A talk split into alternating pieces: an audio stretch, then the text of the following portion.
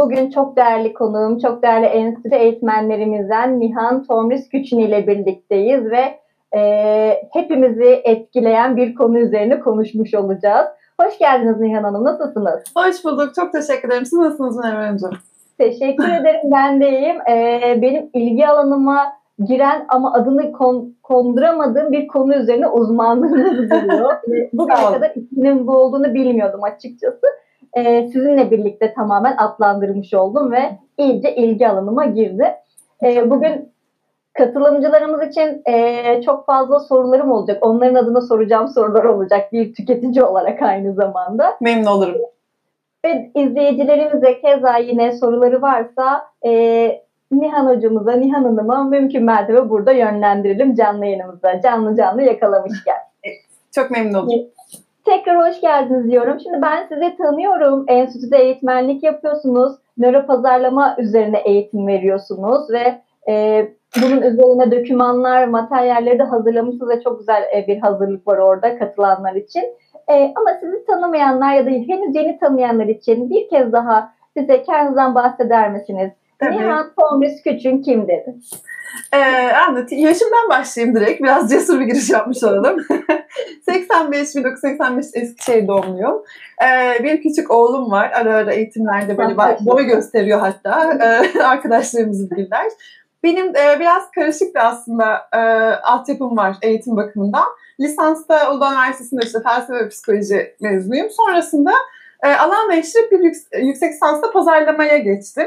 E, pazarlamaya geçince de çok sevdim açıkçası. Çünkü psikolojiyle çok ortak e, noktaları yani aynı noktadan çıkış e, yapıyoruz aslında. İnsan davranışı, evet. tüketici davranışı. E, orada devam etmeye karar verdim. Doktorumu da da bitirdim ama bu sefer doktorda nöropazarlama çalıştım. İşte 2019 yılında doktorumu tamamladım. bu sene niye bilmiyorum dersi de böyle anlatıyorum. Bir kez daha öğrenci oldum. Şimdi de Anadolu Üniversitesi'nde e, reklamcı kalk ilişkiler doktora programında kayıtlıyım. Bu, bu biter mi bilmiyorum. Elimden geleni yapacağım. Eskişehir Osman Gazi Üniversitesi'nde e, görev yapıyorum. Orada bir nöropazarlama laboratuvarımız var. Ee, çok büyük mutluluk duyuyorum enstitünün eğitmenlerinden biri olmaktan. Çünkü gerçekten kaç hafta oldu? Sanırım 4 hafta falan oldu. Ee, çok keyifli gruplarla bir arada oluyoruz. Sonrasında da iletişimimizi sürdürüyoruz. Size ve sizin nezdinizde bütün ekibe de çok teşekkür ederim ayrıca. Biz de teşekkür ederiz. Enstitü adına ben de sizlere teşekkür ederim. Öğrenciler adına da teşekkür ediyorum. Ee, değerli bilgilerinize gerçekten e, katkı sağlıyorsunuz. E, ama siz kendinizden kısa bahsettiniz. Ben şöyle sizin e, arka planına baktığımda mesela uluslararası hakemli dergilerde yayınlanan çalışmalarınız var. E, yüksek lisans teziniz ve doktora teziniz gene mevcut. Onun dışında basım sürecinde olan yayınlarda da yine sizlerin e, dokunuşlarınız var. Uluslararası toplantılarda sunulan bildirilerde var keza yine. Kitap bölümlerinde bulunuyorsunuz. Yani birçok noktada bu konuyla ilgili hakimiyetiniz ve uzmanlığınız aslında konuşuyor diyebiliriz. Hani siz biraz mütevazi davrandınız. biraz Yok ben akademik dünyanın gereğini yapmaya çalışıyoruz. Çok çok daha iyi hocalarımız var elbette. Biz de yetişmeye çalışıyoruz onlara. Evet. Muhteşem. Gerçekten güzel bir kariyer ilerlemesi. Yani şu ana kadar e, bu ikinci haftamızda da konuşmuş olduğum eğitmenlerle çok güzel böyle çok imrenerek baktığım bir ilerleme süreci var ve sizler de çok genç yaşınıza rağmen gerçekten e, çok bu konuda büyük e, işler ortaya çıkarmışsınız. Geleceğe tamam. bırakacağınız çok fazla görüşleriniz ve çalışmalarınız mevcut şu anda kontrol ettiğimizde. Genç yaşlarımıza daha da büyük bir mutluluk duydum. Çok teşekkür ederim. Sağ olun. Çok genç yaştası. Yani nöro pazarlama biraz hani şimdi bahsedeceğiz. Özellikle nöro pazarlama nedirden gireceğim ben konuya. Çünkü ben araştırdım ama bir de sizden bir kez daha duymak istiyorum. Hem e, katılımcılar için hem de benim merakımı bir kez daha gidermeniz için. E, ama Hani şöyle baktığımızda nöro pazarlama böyle sanki e, ben araştırdığımda böyle e, daha böyle saçları kırlaşmış işte üzerinde beyaz gömlekli böyle hani Amerikan filmlerinde olur ya böyle işte evet. kafaya bir şey takıp deneyler yapan doktorlar, uzmanlar, bilim insanları o tarz canlanıyor. Ve karşında genç bir hanımefendi bir e, kadın görünce gerçekten gurur duyuyorum. Sağ olun. Şimdi o ekranın görüntüsünden yani daha doğrusu e, ekrandan kaynaklı. Şöyle geri gittiğim zaman benim de beyazlarımı görebilirsiniz. Ama onun dışında Şu e, e, tam bu açıyı o sebeple tercih etmiş bulunuyorum. Şaka bir tarafa alanda gerçekten e, çok kıymetli hocalarımız var ve hani bundan birkaç sene önce e, Türkiye için hani daha çok yeni bir konuydu ama şu an yakın zamanda özellikle son birkaç yıldır gerçekten bu alanda çalışan e, araştırmacılar da arttı, uygulamacılar da arttı. Güzel bir yemi sergiliyoruz. Biraz geriden başladık. Nöro pazarlama çok aslında e, ben başladım konuşmaya ama nöro pazarlamanın bir geçmiş tarihi var fakat biz de yetişmeye çalışıyoruz onlara. Peki öncelikle geçmiş tarihini de çok merak ediyorum. Nereden çıkmış, nereden gelmiş ee, biraz araştırdım ama tabii siz uzman olduğunuz için daha derinine biliyorsunuz Hanım. Hani daha arka planını da biliyorsunuz. Ama önce bir e, katılımcılarımız için de nöro pazarlamanın tanımını yapabilir miyiz? Yapalım hemen.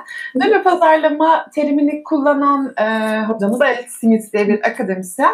O şöyle tanımlamıştı 2002 yılında.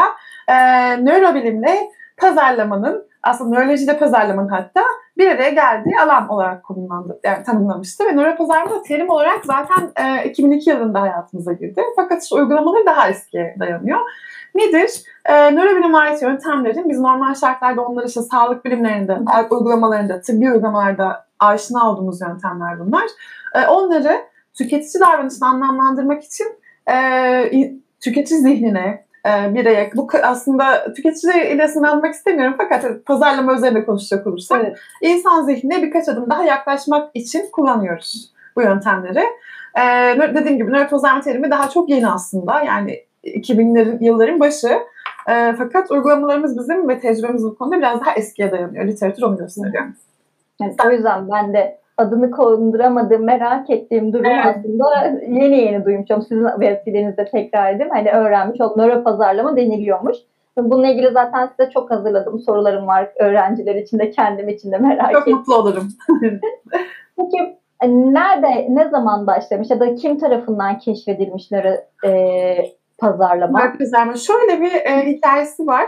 E, daha doğrusu geçmişi var diye. İkinci Dünya Savaşı'ndan sonra e, mutlaka bu konuyla ilgilenenler denk gelmişlerdir. E, özellikle Amerika'da hatta Rusya'da da benzer çalışmalar var. İşte insan davranışını, ideal vatandaşı tasarlayabilmek için e, bilişsel kontrol yöntemleri geliştirmeleri istenmiş psikologlardan genel anlamda. Ve bu çalışmalarda hala hatta referans verdiğim üzerine çalışmalar bu dönemde yapılmış. Aslında bunlar bir çeşit işte insan zihni manipüle edilebilir mi çalışmaları. Mesela işte savaş kayıtlarının tekrar hayata tutundurulması ya da işte bilinçli vatandaş nasıl olur işte propagandanın etkisi nasıl arttırılır gibi gibi çalışma konuları arasında 1963 sanıyorum hatta ilk için nöro pazarlama diyebileceğimiz çalışmadan bir tanesi.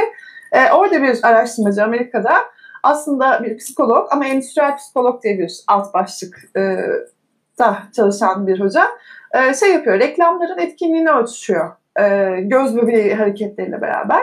Sonrasında arkasından şey e, GSR dediğimiz bir cihaz var. Birazdan sanırım detaylandıracağız. Onun kullanımı artıyor. İlk e, reklam etkinliği değerlendirmesi işte 1963-4 o dönemlerde. Sonrasında işte bir dönem aslında çok yavaşlıyor. Çünkü nöro pazarlamaya yönelik işte, e, işte beyin yıkama yöntemidir bunlar falan şeklinde bazı e, karşılıklar var. Ya da işte o dönemde e, nörobilim tarafından yeterli destek alınmadan ilerleyebilecek bir uygulamanın değil aslında. Çünkü çok özetle e, pazarlamanın yani nöro pazarlama psikolojinin ve nörobilimin e, literatürünü üzerine üst üste koyarak nöro pazarlama çalışmalarını yürütüyor. E, dolayısıyla bunların işte bir araya gelmesi, bir metodoloji geliştirilmesi, e, etik çerçevesinin oluşturulması, işte meslek örgütlerinin, derneklerin e, oluşması, bu alanda bir literatürde bir çalışma alanı oluşması e, daha dediğim gibi işte 2000'li yılları falan buluyor. Adı nöro pazarlama oluyor. Ondan önceki çalışmalarda aslında hatta e, tam yılını hatırlayamayacağım şu anda ama şöyle bir patent başvurusu bile var. Derste hatta bahsediyoruz sıklıkla e, sanıyorum 2001'di galiba. İşte EEG yöntemiyle e, nörometrik yöntemlerle işte tüketici davranışının belirlenmesi diye bir, aslında bir giriş, girizgah yapılmış. Hatta patent de alınmış. Fakat nöro pazarlama denmemiş. O denildiği tarihte 2002. Ama uygulama bakımından dediğim gibi yöntemler de eski yöntemler olduğu için eskiden kastım şu. E, mesela EEG, mesela göz takip cihazı. Bunların aslında ilk versiyonları e, işte 50-60'lı yıllara kadar uzanıyor. Bizim adapte olmamız daha yakın zamanda.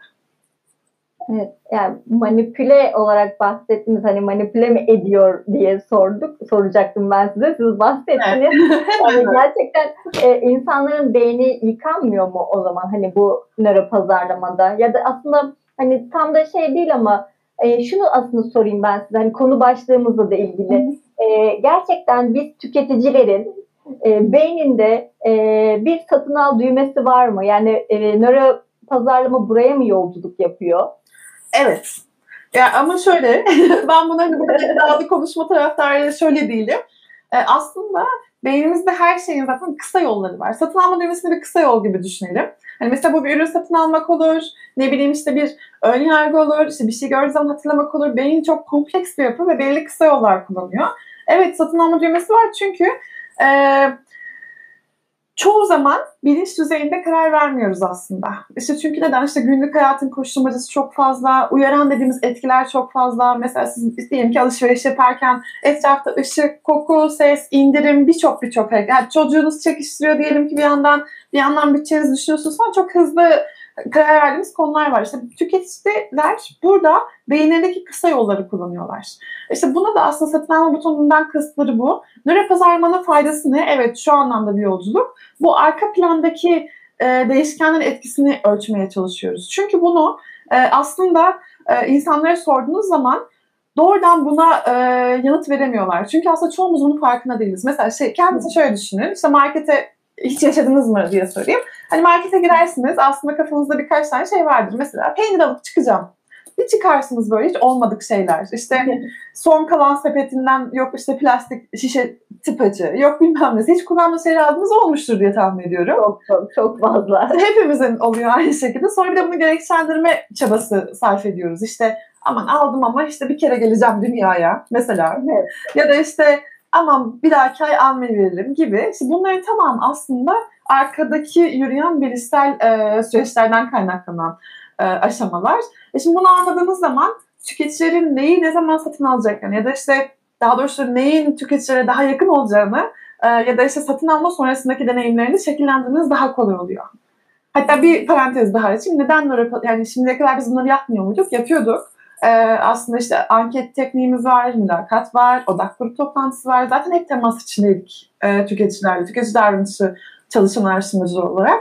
Fakat nöro pazarlama bize bir pencere daha açtı. O da şu. Şimdi anketle bir insana yaklaştığınız zaman insanlar ne cevap vermesini beklediğinizi tahmin edebiliyorlar. Yani işte genellikle nezaketen de olsa işte çok beğeniyorum vesaire falan gibi işaret hepimiz yapıyoruz bunu bir anketöre geldiğinde. Evet. Ya da mesela dikkatsiz cevaplayıcı dediğimiz kavramlar var. Çok hızlıca cevaplıyorlar, geçiyorlar. Ya da e, gerçekten sebebini bilmiyorlar. Bu işte derste de hep verdiğimiz bir örnek var. Mesela işte herkes belgesel izler. E, mesela kimse Survivor izlemiyor. Mümkün değil böyle bir şey yani. Çünkü sosyal normlar var. Yani hepimizin işte e, bulunmaya e, bir ne derler kendi hepimizin bir mod, rol modeli var ve toplum içinde e, o modeli oluşturmaya, onu temsil etmeye çalışıyoruz. Dolayısıyla bu sosyal normlarla doğru söylememizi kısıtlayabilir. Ya da dediğim gibi gerçekten bilinçaltı olduğu için hakikaten de farkında olmayabilir. Bir koku bile sizi bir şey almaya itebilir mesela. İşte bunlara yaklaşmamızı sağladığı için nöro pazarlama, pazarlamanın da heyecan verici bir gelişme olmuş oldu. Yani şimdi siz böyle anlattıkça Nihan benim aklımda e, canlanan bir konu başlığı oldu. Şimdi satış eğitmen e, eğitimlerinde e, ben şöyle bir taktik öğrenmiştim. Bunu size paylaşıyorum. Hani bu da nöro pazarlamaya mı giriyor? Şimdi bahsettiğiniz konularla bir kıyaslama yapınca. E, mesela alışveriş dediniz ya AVM'lerde e, mağazaların kapısının geniş olanlar mesela e, satış teknikleri eğitiminde bunu anlatmışlardı. E, kapısı geniş olanlar müşteriye istediğiniz gibi gelin, gezin, çıkın herkese kapımız açık algısı veriyor denmişti. Ve daha sonrasında da e, daha lüks hatta ultra lüks olan mağazalarda da kapıları e, daha dar hatta çoğu zaman kapalı oluyor. Bu da bize sadece bizden alışveriş yapan özel müşterilerimize hitap ediyorsunuz mesajı veriyor. Ee, yani herkes oraya girmekte, cesaret etmekte çekinebiliyor. Burası çok pahalıdır falan diye. Yani yaşadığımız, biz de böyle bazı evet. kapılabiliyoruz. Ee, bu da bir nöro pazarlama tekniği mi? Yani insanların hangi mağazalara e, nasıl gidip e, ölçüm, ölçümlemeyle mi karar verilmiş bir çalışma bu? E, bu konuda doğrudan bir çalışmaya rastlamadım fakat onun e, altında şöyle bir süreç var. İşte markaların konumlandırılması, yani marka konumlandırma dediğimiz belli işte e, stratejiler var markalar için. Evet. Onlarda, özür dilerim, onlarda mesela şöyle bir örnek var. Diyelim ki e, Louis Vuitton mesela lüks bir marka. E, gazetede ya da şey herhangi bir yerde haberini görmüşsünüzdür. Mesela sezon sonunda satamadığı ürünleri e, yakıyor. E, denk geldiniz mi bilmiyorum böyle bir habere. Hani mesela şunu yapmıyor. Sezon sonu indirimidir, şudur budur falan. Çünkü e, zaten herkes olsun istemiyor. Ha, hani evet. mesela bazı ürünler var. Yani şu, onun marka konumlandırması şey. E, herkes ulaşabileceği türde değil. Dolayısıyla hani indirim yapmaz mesela. Öyle Black Friday'dir bilmem ne vesaire yapmaz. O markanın kendi konumlandırmasıyla alakalı bir süreç. Ama el mutlaka e, şöyle şöyle çalışmalar yapılmıştır. Hani e, markanın stratejisi bu doğrultudaysa Evet mimari bakımından da e, bu alanda yapılan çalışmalar var. Mesela işte e, ortam ambiyansı, işte kokusu, genişliği, e, koku çok önemli bir konu. Mesela işte Türk Hava Yolları'nın bir koku markası var artık. Sırf o marka için geliştirilen bir koku ki e, çok ilkel bir duyu çünkü. Biz Nöre Pazarlama tarafından nereden yaklaşıyoruz konuyu onu anlatmaya çalışıyorum aslında. Mesela bu kokunun e, en ilkel duygularımızdan biri koku duygusu olduğu için doğrudan bir çapalama etkisi yaratıyor. Ve dolayısıyla siz bu kokuyu aldığınız zaman markayı e, bilinç altında direkt hatırlıyorsunuz zaten. Şey gibi düşünelim hani hayatınızın bir döneminde kullandığınız parfüm burnunuza geldiği zaman yıllar sonra size o günleri hatırlatır. Annenizin evinin kokusunu benzer bir koku gördüğünüz zaman e, ne bileyim bir deterjan olur, yumuşatıcı olur. Onu hatırlarsınız. Yani koku çünkü son derece ilkel bir aslında e, derler. Be, ilkel beyne hitap ediyor. Evet. Ve dolayısıyla doğrudan bağlantı kurmamızı sağlıyor. İşte bu çalışmalar bir araya getirilerek ee, evet mimari için de kullanılabilir. İşte kokusu, ışığı için kullanılabilir. Mesela bazı özür dilerim bazı e, işlet bazı markalar mesela biraz daha loş bir ortam tercih ediyorlar. O da mesela bir lüks algısı evet e, yarattığı söyleniyor. İşte renklerin etkisi niye çalışan e, araştırmalar var. Mesela işte hangi tür renklerdeki içerikler daha fazla dikkat çekiyor ya da nasıl algılanıyor. E, dolayısıyla evet altında mutlaka vardı çalışma ama spesifik olarak hani şu çalışmanın içinde diyemem. Neticede tüketici davranışı bulduğumuz her veriyi bir araya getirmeye çalışıyoruz. Evet yani direkt yani o satış teknikleri kısmında böyle anlatıldığı için hani benim de direkt aklıma bu geldi sizin bahsettiğiniz konularda. Ee, onun dışında peki şimdi bu kadar tüketici davranışlarına ve bilinçaltına girdik ya psikoloji ölçümleme ve nöro pazarlama o zaman aynı şey mi giriyor? Yani ikisinde de aynı yöntemler mi kullanılıyor? Nasıl ölçülüyor? Neler ölçülüyor burada? Evet burası e, şey uzun konuşacağım bir konu soruya geldik galiba. evet. şöyle evet. nöro pazarlama zaten işte ilk başta söylediğimiz gibi aslında tük- e, pazarlama da tüketici davranışını anlamlandırırken zaten insan doğasına ait bir e, olguyu araştırdığınız için ister istemez psikoloji e, patikasından geçiyorsunuz. Zaten onların çünkü hazır, hali hazırda mesela işte bilişsel çelişki diye bir kuram var. Normal şartlarda bilişsel çelişki, e, çelişki bir sosyal psikoloji kuramı. Ama ben size pazarlama açısından şöyle bir örnek vereyim. Mesela işte e, diyelim ki ne diyelim? Ha, e, mesela çok kalorili bir e, kahve. Diyelim ki Starbucks kahvesi normal şartlarda bir aslında oldukça kalorili bir ürün olduğunu düşünelim. Şimdi ben Hı-hı. bunun içinde şeker olduğunu biliyorum. Ee, şekerin sağlığıma zararlı olduğunu biliyorum. Bu arkadaki tutumlarla ilişkin çünkü bir şey. E, bir taraftan da e, normal şartlarda hani bunun bu kadar yağlı bir diyelim ki içeceği tüketmeyeceğimi de biliyorum. Fakat bunu satın alıyorum. Bu sefer öyle bir bilişsel çelişkiliğimiz bir durum oluşuyor. Bu şu demek, tutumun bileşenler arasında bir uyumsuzluk olduğu zaman, yani benim girdilerle çıktılar farklı olduğu zaman. Hata yaptım biliyorum ama ben bunu satın almak istiyorum mesela. Sonrasında kendimizi ikna etme çabası var ya. İşte akşam bir şey yemem mesela. Ee, ya da işte bunu aldım ama sonra başka bir şey yapmam gibi. Bütün bunları e, mesela psikoloji bilişsel çelişki kuramıyla açıklıyor. E biz de bunları pazarlamada kullanıyoruz. Dolayısıyla aynı şey e, dememiz pek mümkün değil ama aynı yolu izlediğimizi söyleyebiliriz. Onların e, teorileri, onların araştırmalarından faydalanıyoruz. Davranışları anlamlandırabilmek için. Avantaj ya da dezavantajları var mı Nihan Hanım? Ee, var. Aslında onun için e, demin de sor, sorduğunuz soruyu da yarım bırakmamış olayım. E, şöyle bir ölçüm yöntemlerinden çok kısaca bahsedeyim tabii elbette mümkün değil hepsini ama e, normal şartlarda nöro pazarlama yöntemlerini e, birçok sınıflandırması var. Bizim en sık kullandığımız işte nörometrik ve biyometrik şeklinde ayırdığımız e, cihazlar var. Nöro pazarlama daha ziyade aslında ölçüm yöntemleri cihazlar üzerinden e, adlandırılan bir uygulama alanı. Yoksa bu cihazlar aslında nöropazarma ait cihazlar değil. Neden? Mesela bir tanesi MR. E, bayağı bildiğimiz fonksiyonel manyetik rezonans denilen bir cihazlar. E, mutlaka bir tanışıklığınız olmuştur. Bu hastanedeki kocaman makineler. Şimdi onu pazarlama açısından kullanıyoruz mesela. Ama aslında bunlara pazarlamaya ait bir yöntem değil. E, benzer şekilde EEG dediğimiz işte elektroensefalografi var. E, bunlar tabii nörometrik yöntemleri sayıyorum. E, bir, aslında birkaç tane daha e, nörometrik yöntemimiz var ama onlar çok sık kullanılanlar değil. En sık kullanılanlar bunlar. E, biyometriklere geldiğimiz zaman işte göz takip cihazlarımız var mesela. İşte e, katılımcıların mesela bir market rafında nereye bakıyorlar? İlk nereye bakıyorlar, sonra nereye bakıyorlar? İşte dikkatlerini bu yolla ölçebiliyoruz.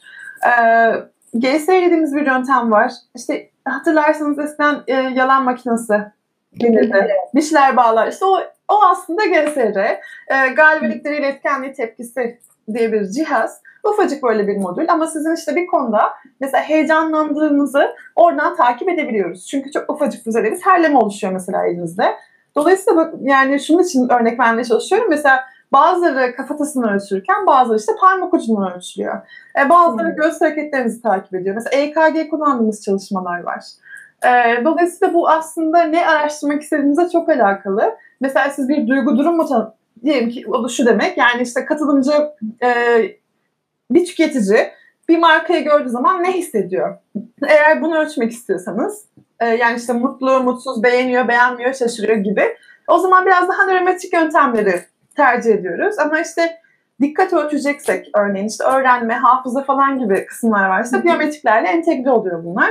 E, e, dolayısıyla böyle bir yöntem setimiz var aslında. O zaman siz e, bunları pazarlama çalışmasında bulundunuz anladığım kadarıyla yaptıklarınız, e, bahsettikleriniz arasında baktığımızda. Peki e, şimdi ben araştırmamda denek olarak deniliyor. Yani tüketicilerden denek olarak bahsediliyor. Onların tavır, davranış ve bahsettiğiniz gibi işte duygu değişimlerini ölçümlemek için. Peki siz e, hiç orada bir denek oldunuz mu ya da gözlem yapan tarafta mı oldunuz hep? Valla ben hep araştırmacı tarafında oldum. Benim üzerimde hep kalibrasyon yapıyorlar. Ee, ben zaten bir e, nöropazarma laboratuvar, yani dediğim gibi üniversitenin bir e, bilişsel ve davranışsal uygulama araştırma bildiğimiz bir e, birimi var. Oldukça geniş e, bir altyapıya sahip. Bir devlet üniversitesinin desteği aslında vizyoner destekli. Çünkü Türkiye'de kurulan yanılmıyorsam üçüncü laboratuvarda bu konuyla ilgili olarak. E, biz beşinci yılımıza giriyoruz. E, oldukça güzel çalışmalar da yürütüyoruz bir taraftan. E, işte hem akademik hem de aslında sanayi işbirlikleri de yapmaya başladık. Çünkü bu konuyla ilgili işte markalar da e, belli işbirlikleri istemeye başladılar. Bu bizi sevindiriyor çünkü e, işte akademik yapmış olduğunuz çalışmanın çerçevesi bir noktada. Bir de gerçekten bunu uygulamada görmek, yani gerçek markaların karşısında görmek hakikaten e, keyifli bir süreç. Dolayısıyla ben düşünüyorum şimdi hiç denek, denek demi, demiyoruz bu arada. Katılımcı demeye çalışıyoruz. Çünkü şey denek kötü bir e, algı yaratıyor insanlarda. E, katılımcı olarak şöyle olmuşumdur diye tahmin ediyorum. Hani ekip arkadaşlarımın çalışması varsa belki orada olmuştur ama genelde şöyle yapıyoruz. Bir daha fazla cihaz kullandığımız için kalibre edilmesi gerekiyor. Yani hepsinin doğru ölçüp ölçmeden emin olmamız lazım. Orada bir mutlaka e, şey gerekiyor, rol manken gerekiyor, konu mankeni. Birimiz oluyoruz orada. Peki e, katılımcılar çizerek söylüyorum. E, kendileri mi size ulaşıyor yoksa hani siz bir araştırma içerisinde ya da bununla ilgili nasıl baş? Mesela ben bir katılımcı olmak istiyorum. Ne yapmam lazım? Beni de gözlemleyin, beni de araştırın. Çok seviniriz. Aslında katılımcı olmak gerçekten kolay bir şey değil. Yani e, mesela bu alanda ticari anlamda bu alanda çalışan evet. e, firmalar var.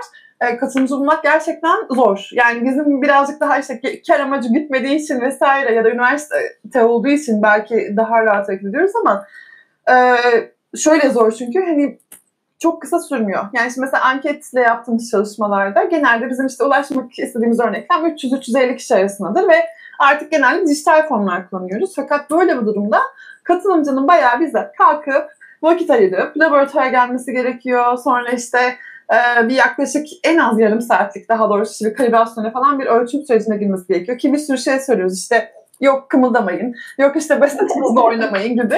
Ama sağ olsunlar hep destekledik. Şöyle oluyor. Bizim aslında araştırma modeline göre e, karar veriyoruz bunu. Çünkü mesela işte gençlere yönelik bir eğer e, hedef kitlemiz gençlere yönelik bir şey ölçebilmekse o zaman öğrencilerin katılımı daha fazla oluyor. Çünkü onlara ulaşmamız daha kolay.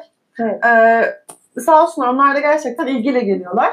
Ee, ama eğer e, farklı demografik özellikler işte yaş grubu olur gelir, düzey olur vesaire bu tür çalışmalar varsa da işte etik kurul izni alındıktan sonra elbette e, bizim çalıştığımız laboratuvarımız adı Bildem. Bildem'in işte sosyal medya hesaplarından duyuruyoruz ya da işte elimizde bir liste var zaten daha önce katılımcılar. Onlara mail yoluyla da telefon yoluyla ulaşıyoruz. Böyle bir süreç geliştiriyoruz. Çok da mutlu oluruz elbette yani isteyenler. Ya bunu tecrübe etmek isterim o cihazları işte bir denemek ve hani ben de kendim merak ediyorum neye gerçekten tepki veriyorum ya da benim evet. satın alma düğmem, düğmem hangi aşamada çalışıyor.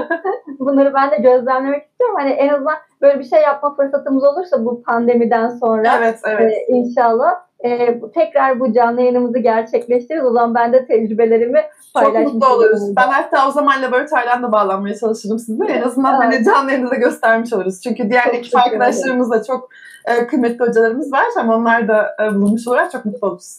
Gerçekten bizler için de e, yani biz tüketiciler için de en azından Şimdi evet. sadece pazarlamacı tarafından da bakmaya çalışıyorum. Tüketici tarafından da bakmaya çalışıyorum. Ben iki taraf için de çok faydalı bir yayın olur diye düşünüyorum orada.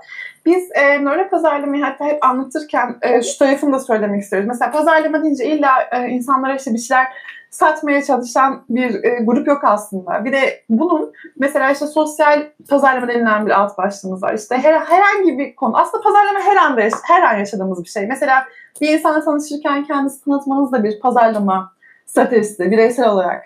Ne bileyim mesela siyasal partilerin e, hedef kitlerine ulaşması da bir pazarlama, siyasal pazarlama diyoruz onda. Dolayısıyla e, mesela bizim çok üzerine durduğumuz konulardan bir tanesi de şey, sosyal sorumluluk kampanyaları. Yani insanlara bir tutum değişikliği gerektiriyor e, tahmin ettiğiniz gibi. İşte mesela alkol bağımlılığına yönelik ya da işte kadına karşı şiddete yönelik örneğin e, ya da işte meme kanseri diyelim ki dikkat etmişsinizdir işte bilgilendirme e, çalışmaları yapılıyor uzunca bir süre. Farklı evet. çalışmalar oluşturmaya çalışıyor. Sonra da duygusal içerikler üretilmeye başlanıyor. Yani işte ne bileyim empati kurabileceğiniz gibi e, örnekler oluyor. Mesela nedir? İşte en son e, Covid konusundaki işte kamu spotlarında işte öksüren işte genç bir adam var. Görüntüsünü falan görüyoruz. İşte bunların evet. etkisi de aslında bunlardan öyle pazarma konusu. Çünkü şunu e, ölçmeye çalışıyoruz aslında. Gerçekten insanlar bu içeriklerden etkileniyorlar mı? Dolayısıyla hani bu alanda çalışma, e, bu alanda ilginç bulan katılımcılarımız varsa iş sadece e, tüketicilerin işte bir şeyleri almasını sağlamak değil. Zaten insan e, yapısı da o kadar basit bir e, ne derler düşünce bilişsel sürece sahip değil. Çünkü oldukça kompleks bir yapımız var. E, bizim ulaşabildiğimiz tek şey şu. Hani etraftaki nelere şekil, neler e, daha etkili. E, elbette bunların hepsi tamamen insan zihninde son derece kompleks bir süreçte ilerliyor algı çalışması da evet. diyebiliriz değil mi aslında? Yani sosyal e, davranışları etkileyen, davranışın altındaki bileşenler nelerdir? Bunların tamamı şimdi öyle pazarlama dediğimiz yöntemlerle ölçülebiliyor. Ama bunu tabii araştırma modeliniz neyse mesela işte bir sosyal sorumluluk kampanyası olur. Demin söylediğim gibi mesela bir kamu spotunun etkinliğini ölçmek de olabilir. Ya da işte bir reklam kampanyasının hangisinin daha etkin olduğunu ölçmek de olabilir. Karşınızdaki hep e, araştırma objesi insan. Anladım. Ee, peki biz e, bilmeden böyle bir çalışmaya e, deneklemeyim de katılımcı olmak Yani olmamış olduğunuzu umuyorum. Çünkü normal şartlarda e, olmamışsınızdır diye tahmin ediyorum. Çünkü normal şartlarda hani bunların hepsi etik kurulla e, tabi şeyler. İster ticari e, amaçlarla yapılsın, ister de işte akademik amaçlarla yapılsın. Bu araştırmalar deney olarak geçtiği için e, mutlaka evet. katılımcıların bilgilendirmeleri gerekiyor. Yani bir e, mesela bir laboratuvar çalışması da olsa, bir saha çalışması da olsa insanların nelerle karşılaşacağını e, açıklayıp onlardan bir imzalı onay alıyoruz normal şartlarda. Ee, ama belki şöyle bir şey olabilir. Hani odak grup dediğimizde de işte gözlem usulü olan çalışmalar var. Onda da elbette hani doğrudan temas edilmiyor. Belki öyle bir şeye maruz kalmışsınızdır. Onun için normalde etik olan şey bu konuda dahil olan katılımcıların mutlaka bilgilendirilmesi. Ee, peki şeyde e, Nihan Hanım burada hani baktığımızda bu sosyal medya dediğiniz ya da işte şeylerde e, yaratılan o algı ya da işte sosyal bakış açıları dediniz e, sosyal medyada çok influencerlar var, işte evet. youtuberlar var. Hani onlar da mesela ürün tanıtımı yapıyorlar. İşte ürün sahipleri tarafından alınıp Tabii. bir E, bu da bir bilinçaltına ben kullandım, siz de kullanın diye yapılan aynen. bir pazarlama tekniği mi peki? Evet, aynen öyle. Onları işte şimdi influencer diye hatta bayağı literatürde bu şekilde geçti. Ondan önce evet. şey vardı işte ünlü kullanımı dediğimiz bir alan vardı. Aslında bir pazarlama tanıtım e, stratejisi. Ama nöro pazarlama ile işte bunun etkisini nasıl ölçebiliyoruz? Hemen nöro pazarlama bir tık ötesinde ne oluyor? E, şeyi fark ediyoruz. Mesela aynen oranlar denen bir şey var. E, bu da şu demek, karşıda bir insanın, karşınızda bir insanın işte esnediği zaman esnemek istersiniz ya. Ya da bir güldüğü zaman ister istemez böyle bir gülme hissiyatı gelir. İşte bunlar e, aslında aynen oranlardan e, kaynaklanıyor. Şimdi karşınızda bir e, değer verdiğiniz, daha doğrusu takip ettiğiniz, takip ediyorsanız bir şekilde bir değer veriyorsunuzdur aslında. Ee, böyle biri bir ürün yediğinde ya da giydiğinde onun hem e, temsil ettiği duruş e, bakımından zaten özeniyorsunuz hem de bir de fizyolojik olarak aynı oranlar aktif oluyor. Yani aynı unsur sizin bilinçaltınızda da aslında hareket ediyor. Dolayısıyla evet e, hem nöro pazarma bakımından altyapısı var hem de pazarma stratejileri bakımından sık kullanılan bir şey. O yüzden mesela hep şöyle şey hatırlatayım mesela size. Hani e, belli arketip dediğimiz işte belli modeller var. Mesela şey düşünün. Arketip deniyor bunlara. E, mesela şey düşünelim. İşte e, ne derler? Bir toplu konut reklamı düşünün. Aklınıza geleni ben tahmin edeyim hiç siz söylemeden. Anne baba bunlar 40'lı yaşlarındalar. Ee, bir kız çocuğu tercihen oğlan çocuğundan daha büyük. Ee, bunlar dört kişilikler ve çok mutlular. Mesela eve dair bir şey yok. Çünkü neden? Oradaki önemli olan şey duygusal, duygusal içerik. Yani artık e, hepimiz şeye doyduk tüketici olarak. İşte bu daha iyi, bu daha kaliteli, bu daha ucuz kısmını çok takip etmiyoruz. O kadar etmiş olsaydık zaten rasyonel varlıklı olurduk. Biz genellikle irrasyonel seçimler yapıyoruz. Süper. Yani şu anda iyice ilgim böyle artmış durumda. Ee, ben e, sizin eğitiminizden de bahsetmek istiyorum. Şimdi benim gibi böyle merak edenler ve bu konuda uzmanlaşmak isteyenler varsa e, şu anda takvime baktığımda 15 Şubat'ta gelecek hafta başlayan bir evet. eğitiminiz var ve ücretsiz eğitim olarak gözüküyor. E, yani e, elini çabuk tutan herkes şu anda ücretsiz şekilde enstitü sayfasından evet. Nihan Hanım'ın eğitimine, nöro pazarlama eğitimine katılabilir. Bekleriz. E, başlıklarınıza baktığımda şimdi yani nöro pazarlamanın o en başta konuştuğumuz konularını orada tabii daha muhtemelen e, ince detaylı değiniyorsunuzdur e, eğitim kısmında. Bir de analiz yöntemlerinden bahsediyorsunuz. Orada direkt böyle o bahsettiğiniz burada da göz takibinden de bahsettiniz biraz e, psikometrik yöntemlerden işte e, diğer yöntemlerine kadar şu anda tam da e, söyleyemiyorum da burada bayağı bir başlıklar çünkü. Evet, nörometrik, biyometrik. Evet. evet. O şu ee, anlamda önemli bir nörometrik. Özür dilerim böldüm e, sözünüz ama biz şimdi benzer e, enstitüde hatta ilk görüşmemizde onu konuşmuştuk. Şimdi benzer eğitimlerde sadece şunu vermek katılımcıya çok yeterli olduğunu düşünmüyorum ben kendi açımdan. E, çünkü yeni bir alan ve bu alanda gerçekten hani doğrudan mesela lisansüstü eğitim öğretilmeye başlandı ama o zamana kadar multidisipliner bir yapıya sahip. İşte farklı alanlarda insanlar bir araya geliyorlar. Mesela bizim e, birlikte çalıştığım insanlardan bazıları bilgisayar mühendisi, bazıları biyomedikal mühendisi. Dolayısıyla herkesin bir ortak noktasını bulmak gerekiyor birlikte çalışabilmek için. E şimdi böyle bir durumda sadece işte nöro kazanma şöyle faydalı demekten ziyade biz bu eğitimde e, bu cihazlar nelerdir gerçekten? Yani işin tamam evet güzel avantajları var. Peki dezavantajları neler? Yani zorlukları neler? E, neler gerekiyor? Daha gerçekçi bir yaklaşım sunmaya çalışıyoruz ki insanlar gerçekten e, hayatlarını adapte edebilsinler buna. E, o sebeple de genelde zaten şey çok eğlenerek gidiyoruz. Yani bu şey inşallah tabii daha önce katılımcılar da buradaysa belki e, desteklerle. Ben, ben eğleniyorum. İnşallah onlar da eğleniyorlardır. E, videolarımız var mesela birazcık daha e, videolarla incelemeye çalışıyoruz. Sonra işte artı okumalarımız var. Ya bu bir süreç. Mümkün olduğu kadar teknik tarafına değiniyoruz ki insanlar bu yola girdiğinde e, ne yapmak istediğine daha kolay ulaşsın. Evet. Gayet güzel bir eğitim e, programı hazırlamışsınız. Sağ olun.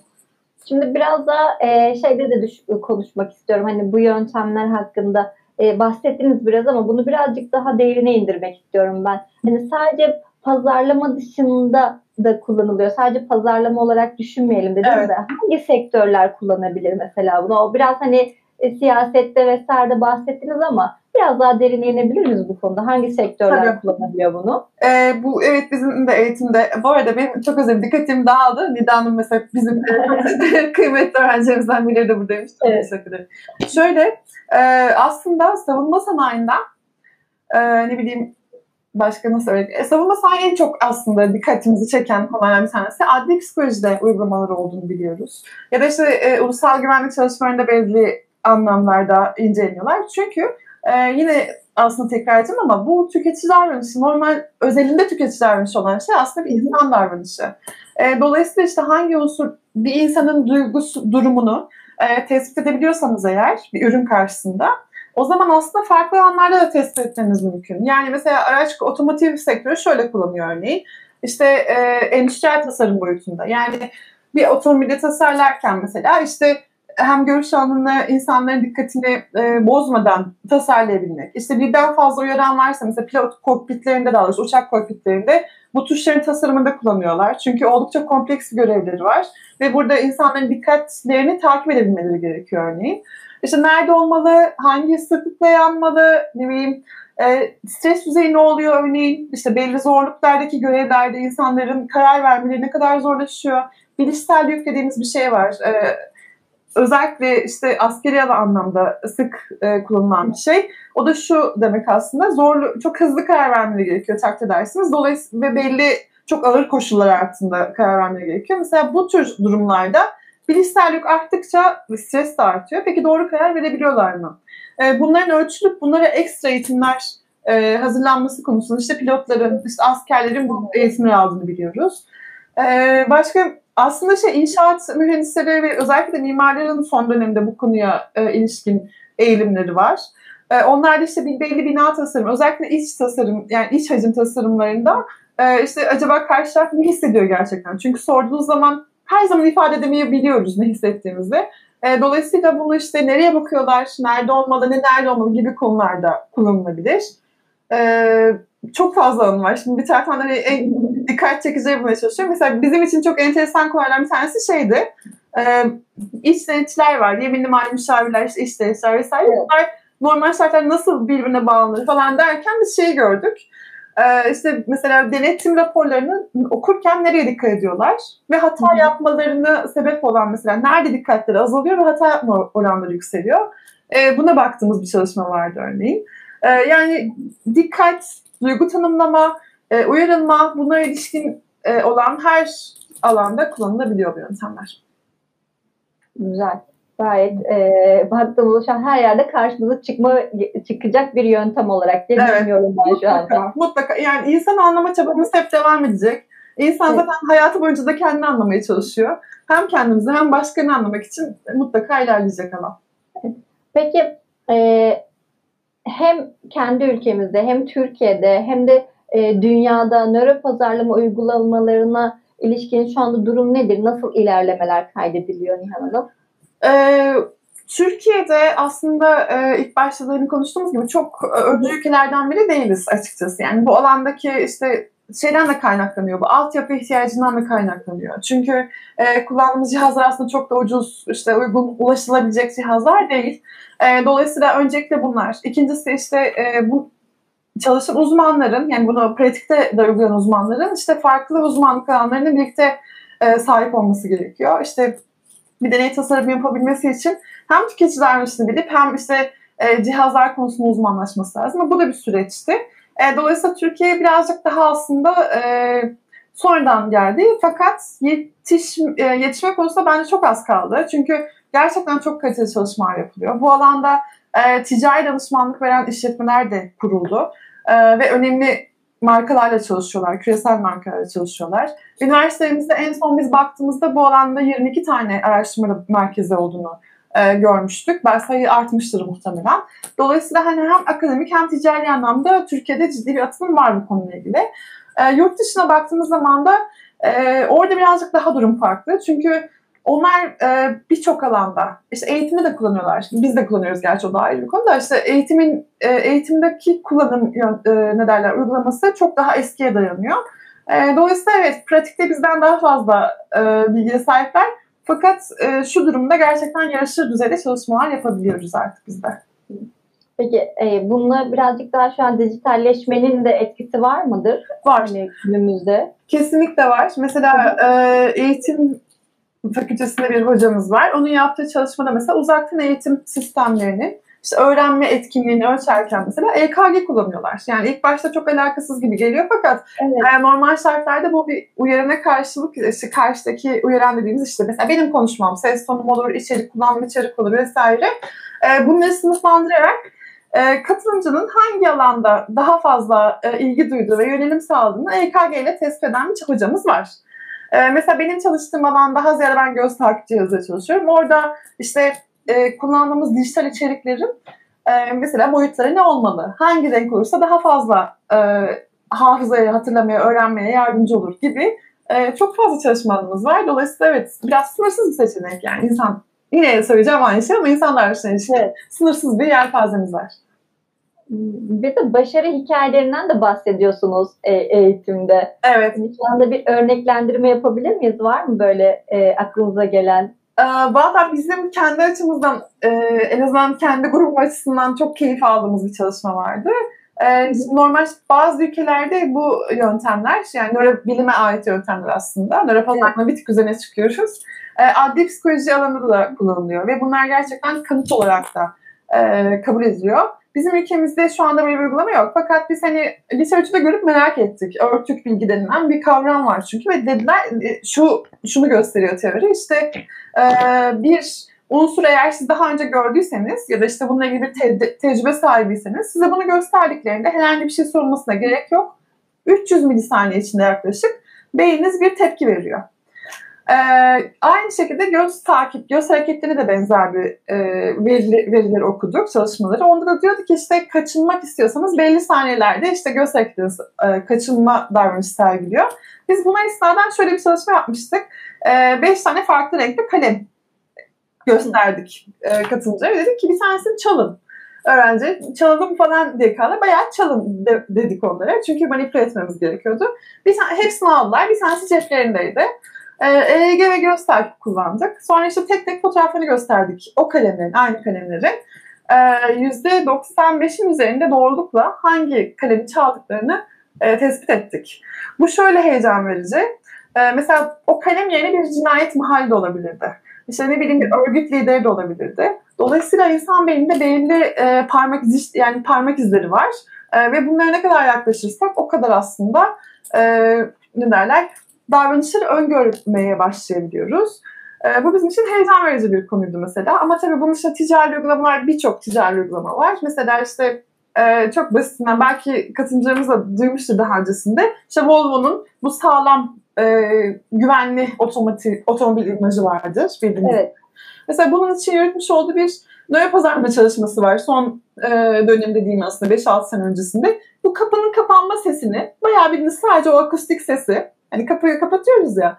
Onu evet. e, daha çok bir sesin insanlara e, daha güvenli bir otomobil imajı yarattığını tespit etmişler örneğin. Aslında sadece sesli bir değişik, değişiklik var. Yani ekstra bir şey yok ama insanlar herhalde daha kalın bir materyal mi düşünüyoruz? Bilinçaltı birçok şeyi tetikliyor. E, dolayısıyla mesela uygulamaya koymuştu. Bunu biliyoruz. Yani e, keyifli sonuçlar oluyor. Uygulamaya giren de birçok konu var. Türkiye'de bildiğimiz bu alanda çalışan e, firmalar da var. Fakat onların hani doğrudan araştırma sonuçlarını açık bu şekilde söyleyemiyoruz çünkü e, onların aynen birazcık bu alanda yapılan çalışmalar hatta ders, e, derslerde de bundan bahsediyoruz. Birazcık şeyi var hala nöro pazarlamanın. E, araştırma sonuçlarını çok yayınlama, hani anketler kadar rahat değil markalar bu konuda. Ben çünkü e, dediğim gibi henüz tam kırılmadı. Evet çok yol kat ettik ama insanlara bunun bir manipülasyon aracı olmadığı konusunda e, son raddeye gelmedik hala. O da markalara tabii yönelik şöyle bir algı oluşmasına sebep oluyor. Oldukça haksız bir şekilde. İşte beynimin içine girdiler. Bana işte bundan sonra zorla bu markayı aldıracaklar. Elbette söz konusu değil böyle bir şey. E, fakat bu sebeple hani marka ismi vererek e, bilinen örnekler haricinde çok bahsedemiyoruz. Evet, şu an bu şeyde de vardı hani dikkat ederseniz en son aşı geldiğinde de aşıyla bizim kimya işte özelliklerimiz çıkacak ortaya Tabii. vesaire ya da bize bir şey aşılayacaklar biz ona göre hareket edeceğiz evet, gibi. Evet çift takacaklar gibi. çift takacaklar gibi orada da böyle bir şey haberler çıktı. Hani yani. bu dediğiniz gibi manipüle etmeyle alakalı bir durum. Hani Kesinlikle. o aşıyı kullanmayın ya da o aşıya gidip yönlenin gibi. Yani biraz e, şey, kısıtlı bilgiye sahip olduğumuz zaman e, olacak karşınıza çıkan bilgi bilgiye hele ki tehdit içeriyorsa bir inanma eğilimi gösteriyoruz. E, dolayısıyla şey bu da onların kaynaklanan bir süreç ama bu Türkiye özel bir durum değil. Yani nöro pazarlama ilk etapta gerçekten bütün dünyada e, şey gibi algılandı. Evet sağlık alanında kullanılan yöntemleri siz insanlara bir şeyler satmak için kullanacaksınız gibi. E, fakat artık o tartışmalar geride kaldı aslında. Hatta işte belli etik kurallar ve derneklerimiz de e, artık var. Belli bir standarda oturmuş süreçte gidiyor. Peki e, nöro pazarlama eğitimine katılanlara e, şu an bahsettiğiniz mesela gözlerden vesairelerden bahsettiniz. Çok böyle gerçekten hani geniş bir yelpazeye sahip evet. nöro pazarlamada. Hani farklı eğitimler ne olabilir orada uzmanlaşabilmek için? Yani şimdi nöro pazarlamaya evet cihazlarla giriyoruz ama mesela beden dili eğitimi de önemli mi burada yanında artı olarak? Yani e, bu alanda davranışa ilişkin bildiğiniz her şey artı. Onu söyleyebilirim çok rahatlıkla. Çünkü e, birçok şeyi mesela e, tek başına zaten yorumlayamıyorsunuz. Mesela işte çok basit bir örnek vereyim. Bu GSR dediğimiz işte yalan makinesi dediğimiz e, cihaz aslında sadece belli bir işte zaman e, ve işte değer grafiği düşünelim x ekseninde. Orada böyle bir uyarılma veriyor. Şimdi bunun ne olduğunu anlayabilmeniz için zaten e, temel düzeyde olsa bir e, şeye sahip olmak gerekiyor. Yani davranışa ilişkin bir eğitime e, bir işte ne bileyim bir kursa katılmak olabilir, bu alanda alınmış işte edinilmiş bilgiler olabilir. Çünkü şunu tahmin etmek gerekiyor. İşte karşıdaki uyaran buydu. E, vücut e, dili, beden dili konusunda da elbette bunlar da önemli bilgiler. Çünkü e, büyük çoğunluğu aslında kontrol edebildiğimiz tepkiler değil. E, yani aynen nöro pazarlamada ölçtüğümüz şeyler gibi. Bunlar birazcık daha e, doğal güdülerimizle yaptığımız hareketler. E, dolayısıyla mutlaka faydası olur. Biz 13, 12-13 tane yöntemden bahsediyoruz eğitimde. Evet. Ee, bunun bir tık sonrası hatta işte katılımcılarla konuştuğumuz şeylerden bir tanesi de bir sonrası şu olmalı. Ee, hiçbir yani ben daha şimdiye kadar denk gelmedim. Hiçbir nöro pazarlama uzmanı zaten bütün cihazları değil fiil bilip e, kullanmıyor. E, orada genelde birkaç tane cihaza odaklanıp o konuda uzmanlaşmaya çalışıyoruz. Çünkü hepsi bir dünya. E, bununla ilgilenen katılımcılar varsa biz şunu tavsiye ediyoruz. Mutlaka e, birine odaklanarak ilerleyin. Çünkü ölçüm yöntemi başka bir de bunları anlamlandırma süreci var. E, dolayısıyla ileri eğitimler bunların analiz e, uygulamaları konusunda olabilir. Psikolojiye dair e, herhangi bir içerik çok önemli mutlaka. Gerçekten yani şu anda böyle hayal dünyamda canlandıkça böyle test yapan uzmanlar vesaireler böyle çok e, eğlenceli de bir Keyifli, aynen çok keyifli. Çok keyifli. Evet. E, ya benim şu anda böyle hani size sorabileceğim böyle aklıma gelen bununla ilgili satışla alakalı her şey böyle e, geldikçe yönlendiriyorum. Biraz böyle sıkıştırıyor da olabilirim. Yo olur ee, mu? Çok memnun olurum ben. e, e, şu anda izleyicilerimiz, katılımcılarımızdan da varsa sorular onları da alabiliriz ama şu, e, Nişa için geçerli midir diye e, bir soru gelmiş ama ben tam anlamadım o soruyu. Anladım. E, Narmatov. O yüzden tekrar rica edeceğim. E, teşekkürler var sizlere. Hmm, herkes evet, keyifle takip ediyorlar yorumlardan. Çok kıymetli ee, katılımcılarımız var ve gerçekten hani şunu da söylemek isterim bu arada. E, Enstitü'ye gerçekten teşekkür ederim. O kadar güzel evet. gruplar oluşuyor ki bir şekilde e, gerçekten interaktif yapmaya çalışıyoruz ve e, çok farklı alanlardan uzmanlığa sahip insanlar var. O yüzden ben de çok mutluyum onları. Ben isim olarak da tanıyorum yani yüzle tanışmamış olsak da. Evet. Sağ olsun. Mesela e, eğitimde size yönlendirilmişti. Ben yani takip ederken böyle eğitimlerinizi izlerken e, ters okuma ile alakalı yanlış bilmiyorsam bir soru gelmişti. Ters izleme mi, görüntüleme mi ya da okuma mıydı alakalı bir soruydu. Ter, e, son hafta evet şey şöyle bir soru gelmişti. Acaba bunları tersine çevirmek mümkün mü? Yani işte insanları mesela e, diyelim bilinç, bilinçaltının etkisiyle yapmış olduğumuz seçimleri acaba yine aynı yöntemleri kullanarak bilincin ağırlığını arttırabilir miyiz dediler. Evet. Ee, çok enteresan bir bakış açısı bence. Yani daha doğrusu beş o tarafından bakmamıştım. Ee, yani rasyonel tarafımızı tetikleyebilir miyiz? Daha farkında bir hayat yaşayabilir miyiz? Ee, diye tartıştık. Elbette mümkün ama e, işte beyin hep hep söylediğimiz bir şey var. Beyin son derece etkin ve verimli bir organ. Dolayısıyla fazla hiçbir iş yükünü e, tercih etmiyor. E, mümkün olduğu kadar işte biraz şey yapmak gerekiyor. Bu odaklanırsanız eğer o alana verdiğiniz işte önem boyutunda bir liste reformunuz o kadar fazla oluyor. Evet enteresan bir bakış açısı da o. Tam tersine çalışılabilir mi demişlerdi. Evet. Yani öğrencilerden de çok fazla çok bu konuyla ilgili. Evet çok güzel sorular geliyor. Ben de okudum gerçekten evet bu da olabilir mi diye. O sanki hani evet. benim ilk testimmiş gibi orada. Sonra siz de güzel güzel yanıtlıyorsunuz orada eğitim içerisinde. Bir de mesela e, geçtiğimiz hafta o da çok enteresandı benim için. E, hiç düşünmemiştim açıkçası. E, şeyden e, ilaç sektöründen katılımcılarımız vardı. Hatta evet. biri birinden haberi almış, öbür arkadaşı da diğer hafta gelmiş. Biz bunu işte e, ilaç sektöründe ama tanı bakımından değil ama bu pazarlama kısmı nasıl kullanabiliriz diye. Şimdi ilaç zaten reklamı yapılan bir şey değil. E, dolayısıyla hani hakikaten benim için de böyle belli e, zorluklara sahip sorular geliyor evet. ama keyifli oluyor. Çünkü karşılıklı bir fikir alışveriş yapıyoruz. Zaten eğitimin son gününün özellikle yarım saatinde soru cevap da geçirmeye çalışıyoruz ki benim ufkumu genişletiyorlar. Ben de elimden gelince destek olmaya çalışıyorum bu konuda. Evet. Çok keyifli, çok eğlenceli geçiyor ve gerçekten akıcı e, ilerleyen bir eğitiminiz var. O yüzden ben de katılımda böyle hiç sıkılmadan bir yandan dinliyorum size. Aa, evet ya bu da olabilir diye böyle devam ediyorum.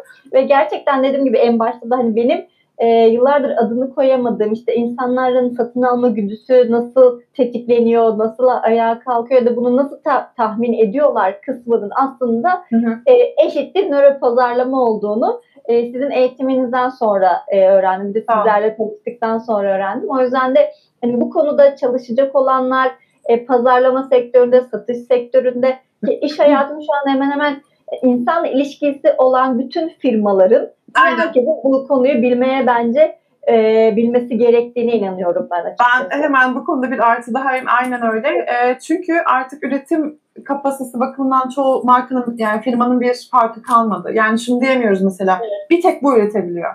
Bir bakıyorsunuz bir ay sonra pazarda bir rakibiniz olmuş. Aynı üretim teknolojisine sahip. E, bu sefer elimizde rekabet içinde kalıyor. Ne kadar tüketiciye yaklaşabilirseniz ya da onu anlayabilirsiniz o kadar avantajımız var.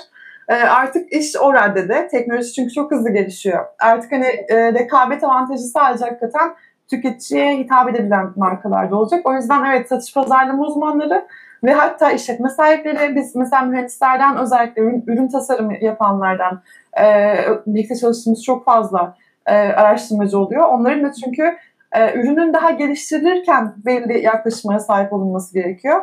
E, mesela işte pa, ürünü geliştirip pazara sunduktan sonra satmak e, birazcık zorlamak gibi bir süreç. Ama düşünün ki mesela bunu daha prototip aşamasında bu yöntemlerle inceleyip işte daha ideali bulup pazara sunmayı. Dolayısıyla şey e, oldukça geniş bir hedef kitlemiz var. Bekleriz memnuniyetle. Evet. Ee, bakalım ben ilk katılımcı olduğumda tekrardan burada sizinle görüşmüş oluruz. Yani gerçekten çok çok meraklanmaya başladım.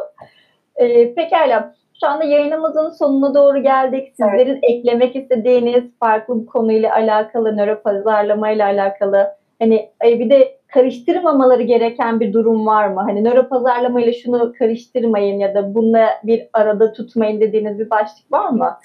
Ee, şunu vurgulamakta fayda var. Hep de aslında onu tekrar ediyoruz. Nöro pazarlama, pazarlamanın tahtına aday bir alan değil. Ee, aksine şey, o bir uygulama e, yöntemlerinin bütünü diyeyim daha doğrusu.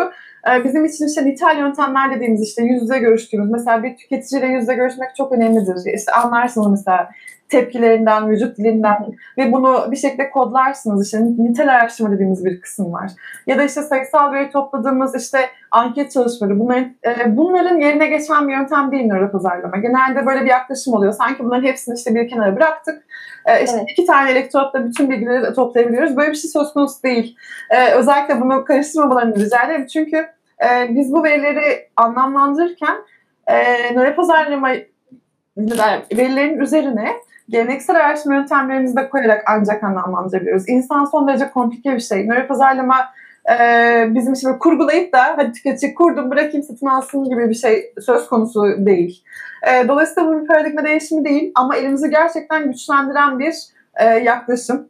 E, bunların karıştırılmasında fayda var çünkü bazen şöyle hayallerle e, gelen markalar oluyor. İşte öyle bir şey yapalım ki mesela tamamen bu konudaki tutumu değişsin. Rakibi bıraksın, alma, e, satın almayı bıraksın, ya benim markama dönsün diye. Bu elbette böyle bir şey değil ama tü, e, tüketicinize bir adım daha yaklaşmayı, markanızı onun zihninde daha e, uzun vadeli, hatırlayabileceği şekilde konumlandırmayı evet sağlayabilir. Pazarlama bir bütün, e, bu da bir araştırma yöntem grubu. E, daha gelişmeye çok açık tarafları var.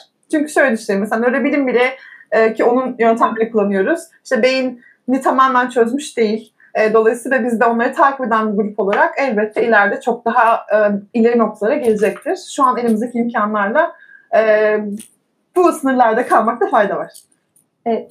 Çok teşekkür ederim verdiğiniz bilgiler için. Gerçekten size renk kattınız bugün bizlere. Sağ olun. Ve e, inanılmaz hani Umarım ben de katılımcıların sesi olmuşumdur diye tahmin ediyorum. Aklıma gelebilecek her şeyi sormaya çalıştım sizlere. Ee, çok çok tamam. teşekkür ederim size vermiş olduğunuz değerli bilgiler için. Ee, ben tekrar de... farklı bir canlı yayını yapmaya sizler için sabırsız, sabırsızlanıyorum açıkçası. Çok mutlu olurum. Ben de e, hem bana fırsatı verdiğiniz için hem başından ve çok ilgilendiğiniz çok sağ olun. E, aynı zamanda işte katılımcımıza da çok teşekkür ederim. Biraz böyle evet kompleks bir konu hızlı konuştuysam kusura bakmayın. Ee, biraz öyle yetiştiriyorum gibi geliyor. Onun dışında herkese çok teşekkür ediyorum. Ee, bekleriz eğitimlerimize. Biz eğleniyoruz. Aramızda olursanız daha da büyük mutluluk deriz. Evet, gelecek hafta başlayacak bir eğitimimiz 15 Şubat'ta. Ee, katılmayı düşünen herkese şiddetle tavsiye ederim diyorum ben de. Ben de orada olacağım muhtemelen. Canlı, canlı eğitime katılabilir miyiz bilmiyorum. Saatlerimiz çakışabilir belki vermiş olduğum eğitimde ama tekrarlarını muhtemelen izlemiş olacağım e, bir kez daha.